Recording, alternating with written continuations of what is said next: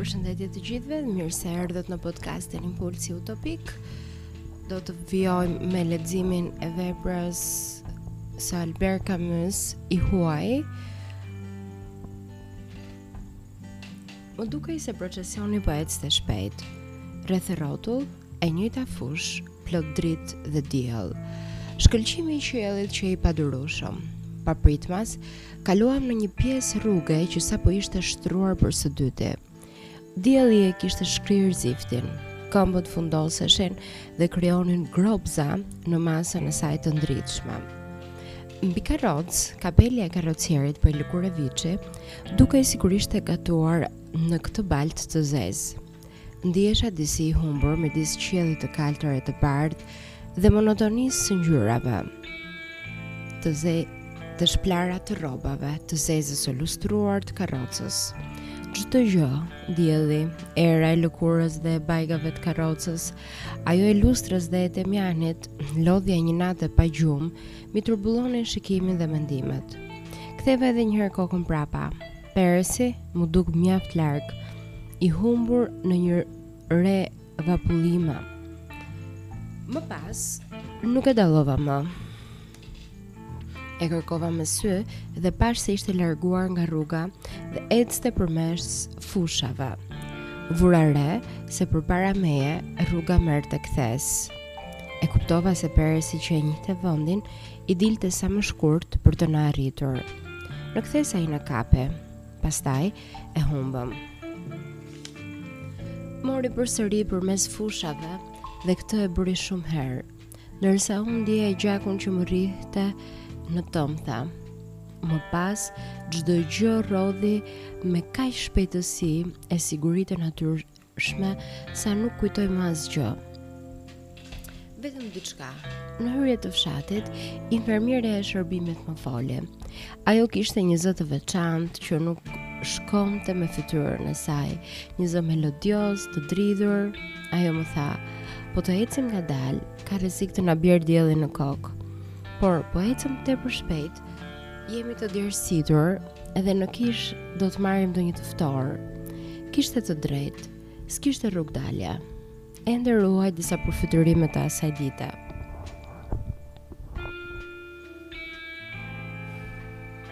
Për shembull, fytyrën e Peresit kur na arriti herën e fundit Në afërsi të fshatit Pika të mëdha loti nga nervozizmi dhe dhembja i rridhnin mbi faqe, po për shkak të rrudhave nuk binin. Ato përhapeshin, grumbulloheshin dhe krijonin një lustër uji mbi këtë fytyrë të mbaruar. Pastaj kisha edhe fshatarët nëpër trotuaret e barbarosat e kuqe. Vilania e Perezit, sikur qe një kukull e zhvidosur, dhe ngjyrë gjaku që rrokullisej mbi arkivol, tuli i bardhë i rrënjëve të shkaktisura, pastaj njerëz, zëra, fshati, pritja përpara një kafeje, gërgërima e parreshtur e motorit dhe gëzimi im, kur autobusi, Hyri në folenë e dritave të Algjerit dhe kur mendova se do të shtrihesha e do të flija nja 12 orë rresht. Sapo u zgjova, e gjeta përse pronari m'u duk i pakënaqur kur i kërkova dy ditë leje. Sot është e shtunë, më kishte dalë nga mendja. Si të thuash, por me t'u zgjuar u kujtova. Pronari ka menduar krejt natyrshëm se bashkë me të dielën më bëheshin 4 ditë pushim. Dhe kjo gjë nuk i pëlqente. Por pikë së pari nuk është faji im se mamaja u varros dje e jo sot dhe së dyti do të bëja pushim të shtunën e të dielën sido që të ishte. Sigurisht, me këtë nuk dua të them se nuk e kuptoj pronarin Me zor u ngrita se isha i lodhur nga dita e djeshme. Ndërsa po rruhesha, pyesja veten se çfarë do të bëja dhe vendosa të shkoj të lahem. Mora tramvajin për të shkuar në limanin e portit. Atje u zhyta në kanal. Kishte shumë të rinj. Në ujë ndesha Mari Kardonën, një ish daktilografiste të zyrës time që e kisha dëshiruar dikur. Edhe ajo mua, besoj. Por s'qëndroi shumë, kështu që s'patëm kohë. E ndihmova të ngjitej në një bovë e në lëvizje e sipër i çika gjoksin e saj. Unë isha ende në ujë kurse ajo ishte shtrirë barkazi në bovë. U kthye nga unë. Flokët i kishin rënë mbi sy dhe qeshte. Hipa mbi bovë dhe iu afrova. Koha ishte e mirë dhe si për shaka e lëshova kokën prapa dhe e vendosa mbi barkun e saj. Ajo nuk u ndie dhe unë s'lëviza. Gjithë qiellin e kisha mbi sy. Ishte i kaltër e i praruar. Nën zverk ndieja barkun e Maries që rrihte ngadalë. Qëndruam gjatë mbi bovë si të përgjumur. Kur dielli u bë tepër i fortë, ajo u zhyt dhe unë e ndoqa pas. E arrita, e kapa për beli, e notuam bashkë. Ajo vazhdonte të qeshte. Kur po thaheshim në skelë, më tha. Unë jam më zeshkane se ju. E pyeta nëse donte të vinte në kinema në mbrëmje. Ajo qeshi përsëri dhe më tha se kishte dëshirë të shihte një film me Fernandelin. Kur u veshëm, ajo u habit kur më pa me kravatë të zezë dhe më pyeti nëse isha në zi. I thashë se më kishte vdekur mamaja, meqë donte të dinte qysh kur unë isha në zi iu përgjigja. Qysh dje? Ajo mbeti pak por s'më bëri asnjë vërejtje. Pata dëshirë t'i thosha se nuk ishte faji im, por hoqa dorë, sepse u kujtova që e kisha thënë më parë pronarit një gjë të tillë. S'kishte aspak rëndësi, sidoqoftë, e ndiejmë gjithmonë pakëz veten në faj. Në mbrëmje, Maria e kishte harruar këtë gjë. Filmi qe herë për të qeshur, e herë vërtet i rëndomtë. Kofsha e saj puthitur pas simes. Unë i përkëdhela gjoksin. Nga fundi i shfaqjes e putha por jo si duhet. Kur dolëm, ajo erdhi në shtëpinë time. Në mëngjes, Maria kishte ikur. Më kishte thënë që më parë duhej të shkonte tek tezja. U kujtova që ishte e diel dhe kjo më mërziti. E diela nuk më pëlqen. Atëherë u ktheva në shtrat nga ana tjetër. Kërkova nëpër jastëk aromën e kripur që kishin lënë flokët e Maries dhe fjeta deri nga ora 10. Pastaj, piva cigare, gjithnjë shtrirë deri në drekë. Nuk doja të haja drekë te Çelesta si zakonisht sepse me siguri do të më bënin pyetje dhe kjo gjë nuk më pëlqen. Skuqa vezë e i hëngra në tigan pa bukë, se s'kisha dhe s'doja të zbrisja për të blerë. Pas drekës, s'kisha ç'të bëja dhe shëtita nëpër shtëpi. Ajo ishte e rehatshme kur ishte mamaja. Tani është tepër e madhe për mua. Dhe m'u desh të çoja tavolinën e bukës në dhomën time të gjumit. Tani përdor vetëm këtë dhomë të pajisur me karriget e kashtës që kanë vënë bark, dollapin me pasqyrë të zverdhur, tualetin dhe shtratin prej bakri. Të tjerat i kam lënë pas dore. Pastaj, si për të bërë diçka, mora një gazetë të vjetër dhe e lexova. Preva një reklamë të kripërave Krushen dhe e ngjita në një fletore të vjetër ku vendos gjërat që më zbavitin nëpër gazeta. Pastaj, lava edhe duart dhe për t'i vënë kapak, dola në balkon. Dhoma ime bie nga rruga kryesore e lagjes. Pasditja qe e bukur, megjithatë kalldromi ishte i lërosur. Tek-tuk njerëz që nxitojnë, ndër të parët qenë familjet që dilnin shëtitje. Dy djem të vegjël me kostum marinari, pantallonat sipër gjurit, dukeshin si të mbërthyer në rrobat e tyre të ngrira dhe një vajzë e vogël me një fjongo të madhe dhe këpucë të zeza të lustruara. Prapa tyre një nënë trupmadhe me fustan mëndafshi kafe dhe i ati një burrë i shkurtër mjaft imcak që e njihja me fytyrë. Ai mbante kapele kashte, kollare dhe një bastun në dorë. Kur e pashë me të shoqen, kuptova përse thuhej në lagje se ai bie në sy. Pak më vonë kaluan djemtë e lagjes me flokë të lëpira dhe kollare të kuqe, xhaketa pas trupit me xhep të vogël, të qëndisur dhe me këpucë me majë katrore. Më duket se shkonin në kinemanë e qendrës. Për këtë arsye, ata niseshin herët dhe nxitonin drejt tramvajit duke qeshur me të madhe. Pas tyre, rruga dalëngadalë mbeti e shkretë.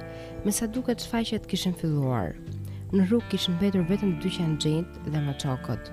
Qielli ishte i pastër, por pa shkëlqim, sipër drurëve të fikut të radhitur buzë rrugës.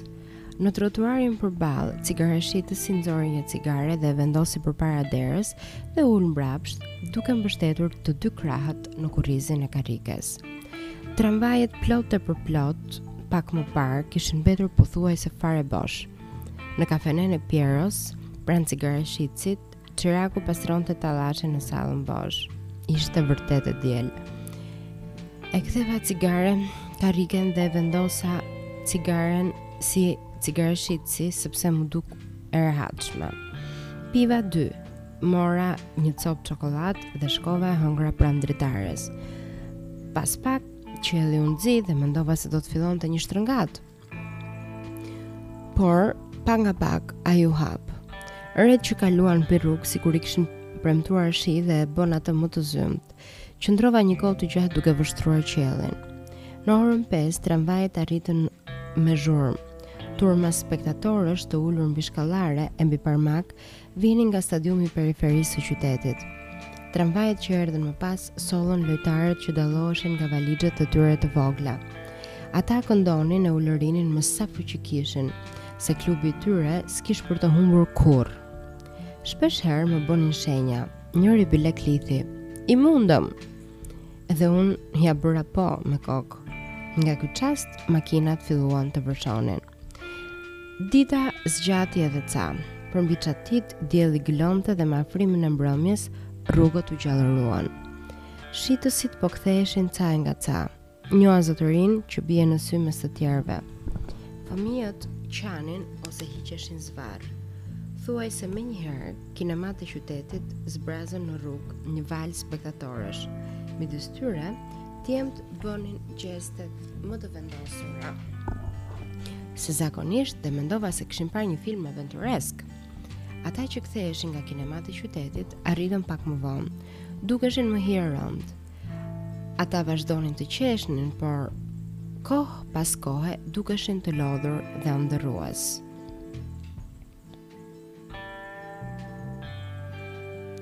Ata qëndruan në rrugë duke bërë ecje në trotuarin përballë. Vajzat e lagjes kokëzbuluar i kishin kapur për krahu. Djemtë lëviznin në mënyrë që të kryqëzoheshin me to, i ngacmonin, qeshnin duke kthyer kokën prapa. Shumë prej tyre që i njihja Ma bënë me shenjë. Dritat e rrugës u ndezën përnjëherësh dhe zbehën ndriçimin e yjeve të para të natës që ngjiteshin lart. Ndjeva se sytë më ishin lodhur nga pamja e trotuareve të ngarkuara me njerëz e drita. Kalldrëmi i lagur shkëlqente nën dritën e llampave dhe tramvajet Lëshonin me rregullsi reflekse mbi flokë të ndritshëm, mbi një buzëqeshje apo një byzylyk argjendi. Pak më vonë, tramvajet u rralluan më shumë. Nata u bë më e errët sipër pemëve dhe llampave. Lagja u zbraz ngadalë. Atëherë, mendova se duhet të haja darkë. Më dhimte pak qafa pasi kisha qëndruar gjatë mbështetur mbi shpinën e karrikës. Zbrita të blej bukë dhe makarona. Gatova dhe hëngra në këmbë. Desha të pi një cigare pranë dritares, por ajri ishte freskuar edhe pata pak ftohtë. Mbylla dritaret dhe kur po kaloja para pasqyrës, vura re në cep të tavolinës llampën me alkool pranë copave të bukës. Po mendoja, kaloi edhe kjo e diel. Mamaja ishte varrosur. Unë do të rifilloja punën dhe tek e fundit asgjë s'kishte ndryshuar. Sot kam punuar shumë në zyrë. Pronari u tregua i dashur. Më pyeti nëse ndihesha shumë i lodhur dhe desh të dinte moshën e mamasë. I thashë një 60 vjeçe për të qenë brenda dhe nuk e di pse m'u duk si më i lehtësuar dhe sikur mendonte se qe një çështje e mbyllur. Ishin grumbulluar një tufë faturash mbi tavolinën time dhe m'u desh t'i shqyrtoj një për një. Para se të largohesha nga zyra për të ngrënë drekë lava duart. Në drekë i laj me qejf. Në darkë jo dhe aq sepse peshqiri i mbështjellë në formë ruli është i tëri i lagur nga të përdorit gjatë gjithë ditës. I thashë pronarit një ditë. Ai m'u përgjigj se ishte për të ardhur keq, por sidoqoftë, qe një gjë e parëndësishme. Dola pak më vonë nga zyra më 12 e gjysmë bashkë me Emanuelin, që merret me dërgimin e mallrave. Zyra bie nga deti dhe ne u vonuam një copë herë duke parë ngarkesat në portin që përvëlonte nga dielli. Në këtë çast mbërriti një kamion në mes të një zhurme të madhe zinxhirësh e shpërthimesh. Emanueli më pyeti, sikur të shkonim dhe unë e nisa vrapit. Kamioni na parakaloi dhe ne u lëshuam ta arrinim. Humba në mes të zhurmës e pluhurit.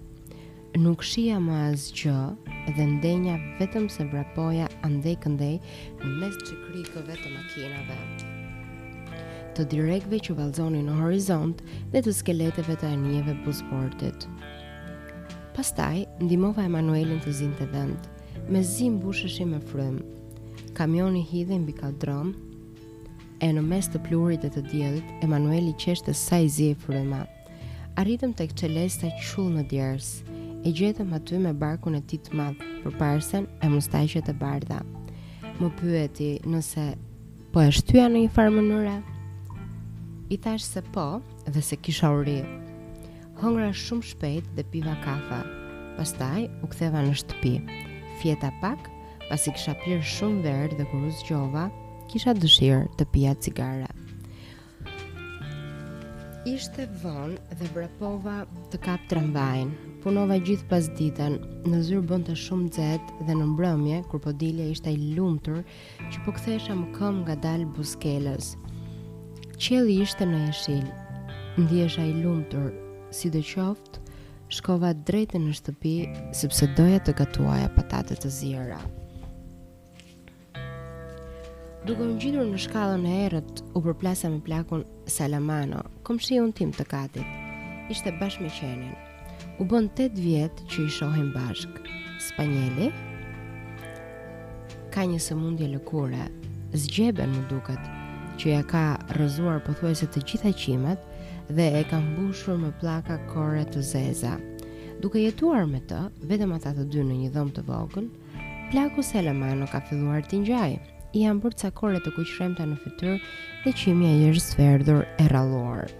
Kurse qeni ka marrë nga i zoti një lloj ecje të kërrusur, turirin përpara dhe qafën e zgjatur. Duken sikur janë të një race e megjithatë e përbuzin njëri tjetrin. Dy herë në ditë në orën 11 dhe 6 plaku e nxjerr qenin shëtitje. Qysh prej 8 vitesh, itinerari është i njëjtë. I sheh gjatë rrugës së Lionit, qeni duke tërhequr të zonë, ndërsa plaku Salamano pengohet. Atëherë, ai e godet qenin dhe e shan. Qeni ndalon nga frika e hiqet rrëshqan. Në këtë çast i takon plakut ta tërheq. Kur qeni harron atë që ndodhi, ai e tërheq përsëri të zonë dhe përsëri ai rrihet e shahet. Atëherë ata qëndrojnë të dy në trotuar dhe vështrojnë njëri tjetrin. Qeni me lemeri, i zoti me urrejtje. E njëjta gjë çdo ditë. Kur qeni do të urinojë, plaku nuk i lë kohë dhe e tërheq. Spanjeli lë pas një curril pikash. Nëse rastësisht qeni e bën në dhomë, ai rrihet përsëri. Kjo gjë vazhdon prej 8 vjetësh. Çelesta thotë vazhdimisht, sa fat keq. Por në thelb askush nuk do t'ia di. Kur e ndesha në shkallë, Salamano po shante qenin, i thoshte, maskara, qelbanik dhe qeni hungërinte. I thashë mirëmbrëma, por plaku vazhdonte të shante. Atëherë e pyeta se çfarë i kishte bërë qeni.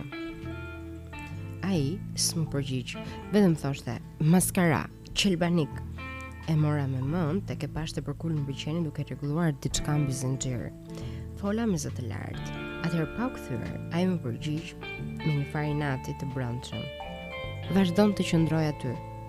Pastaj u largua, duke tërhequr kafshën që zvarritej dhe me të katra gjymtyrët dhe që hungërinte.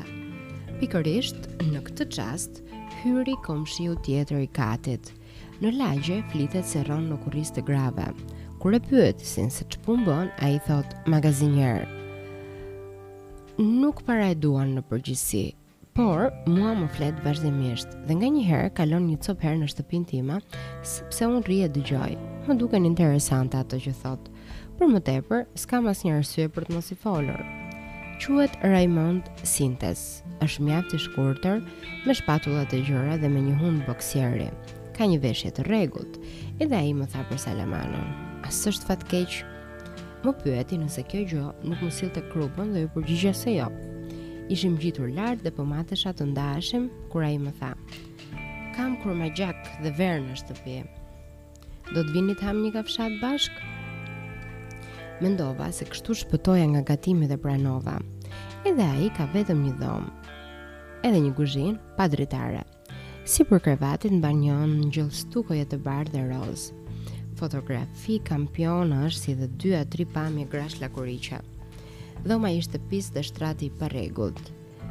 Në fillim ndezi llampën me vajguri, pastaj nxori nga xhepi një si fashë dhe mbështolli dorën e djathtë. E pyeta se çfarë kishte.